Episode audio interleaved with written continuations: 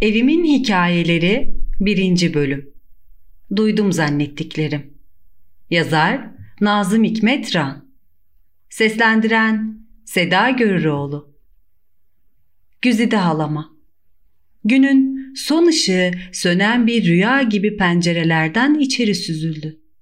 Hazin bir boşluk köşelere doğru koyulaşarak odaya yayıldı.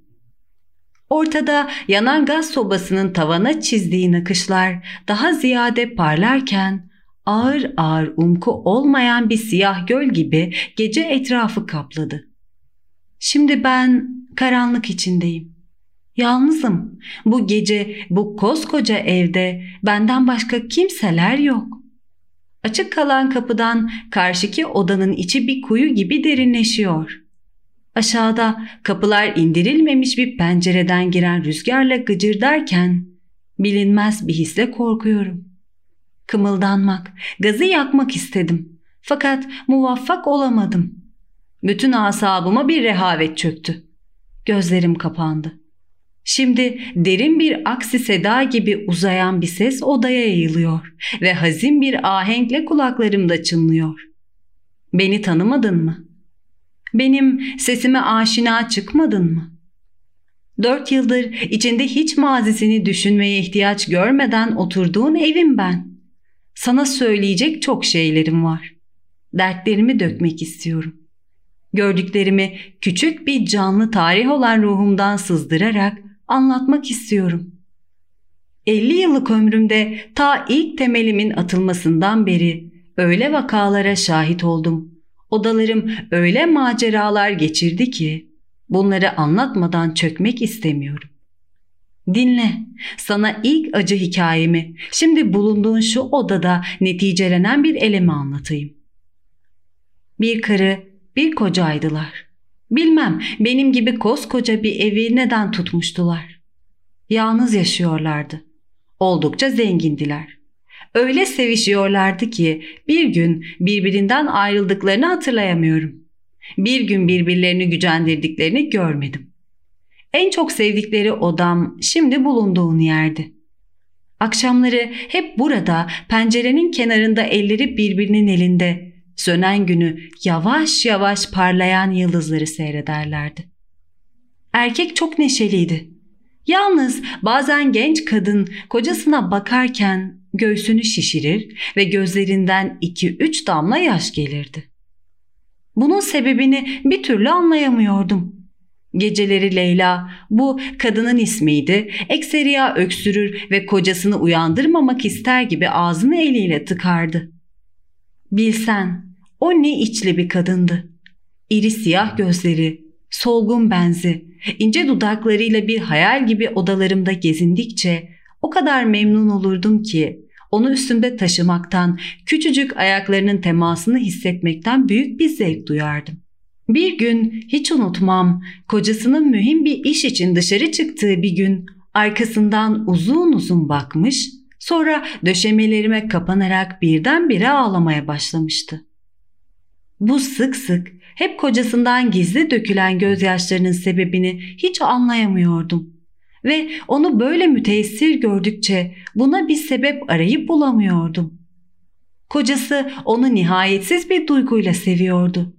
Her şeyi tamamdı. Daha ne istiyordu? Bu sırrı anlamak için bütün dikkatlerimi sarf ettim. Onun en hususi dakikalarına, en yalnız saatlerine kulak verdim. Ve nihayet bir akşam öğrendim. Evet, öğrendim. O hastaydı hem de en yenilmez bir hastalıkla. Bunu kocasından gizli, çabucak mendiline tükürdüğü bir kan lekesi bana anlatmıştı. O ölümünden korkuyor ve kocasından ayrılıp yalnız kalmak korkusuyla hiçbir şey söylemiyordu. Ona kuvvetli, dinç gözükmek için zavallı kadın neler yapmazdı. Fakat ne çare günden güne solmaya, günden güne erimeye başladı ve soldukça, eridikçe huysuzlanmaya, yanından bir dakika ayrılmayan kocasını sebepsiz, belki de onsuz ölmek hissinin verdiği bir elemle kıskanmaya başladı. Nihayet doktor getirdiler ve Celal'in, bu erkeğin ismiydi, Sofada hıçkıra hıçkıra ağlamasından hastanın ağır, pek ağır olduğunu anladım. Yatağı bu odaya getirdiler. Doktorların men etmesine rağmen kocası onu sabahlara kadar bekliyor ve o her öksürdükçe zavallı gencin rengi biraz daha soluyor, biraz daha sararıyordu. Ya Leyla, bilsen ona ne kadar acıyordum. Onu böyle yataklarda gördükçe ta temelimden sarsılmak, yıkılmak, duymamak istiyordum. Bir gece dışarıda yıldızlı bir göğün ufukları kapladığı bir gece Leyla fazla ağırlaşmıştı.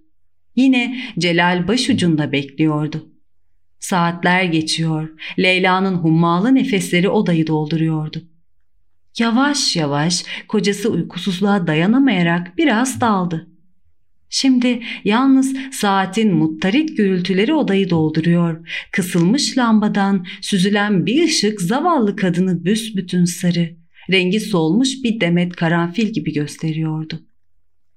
Nihayet Celal'in de nefesleri Leyla'nınkine karıştı ve orada uyumaya başladı.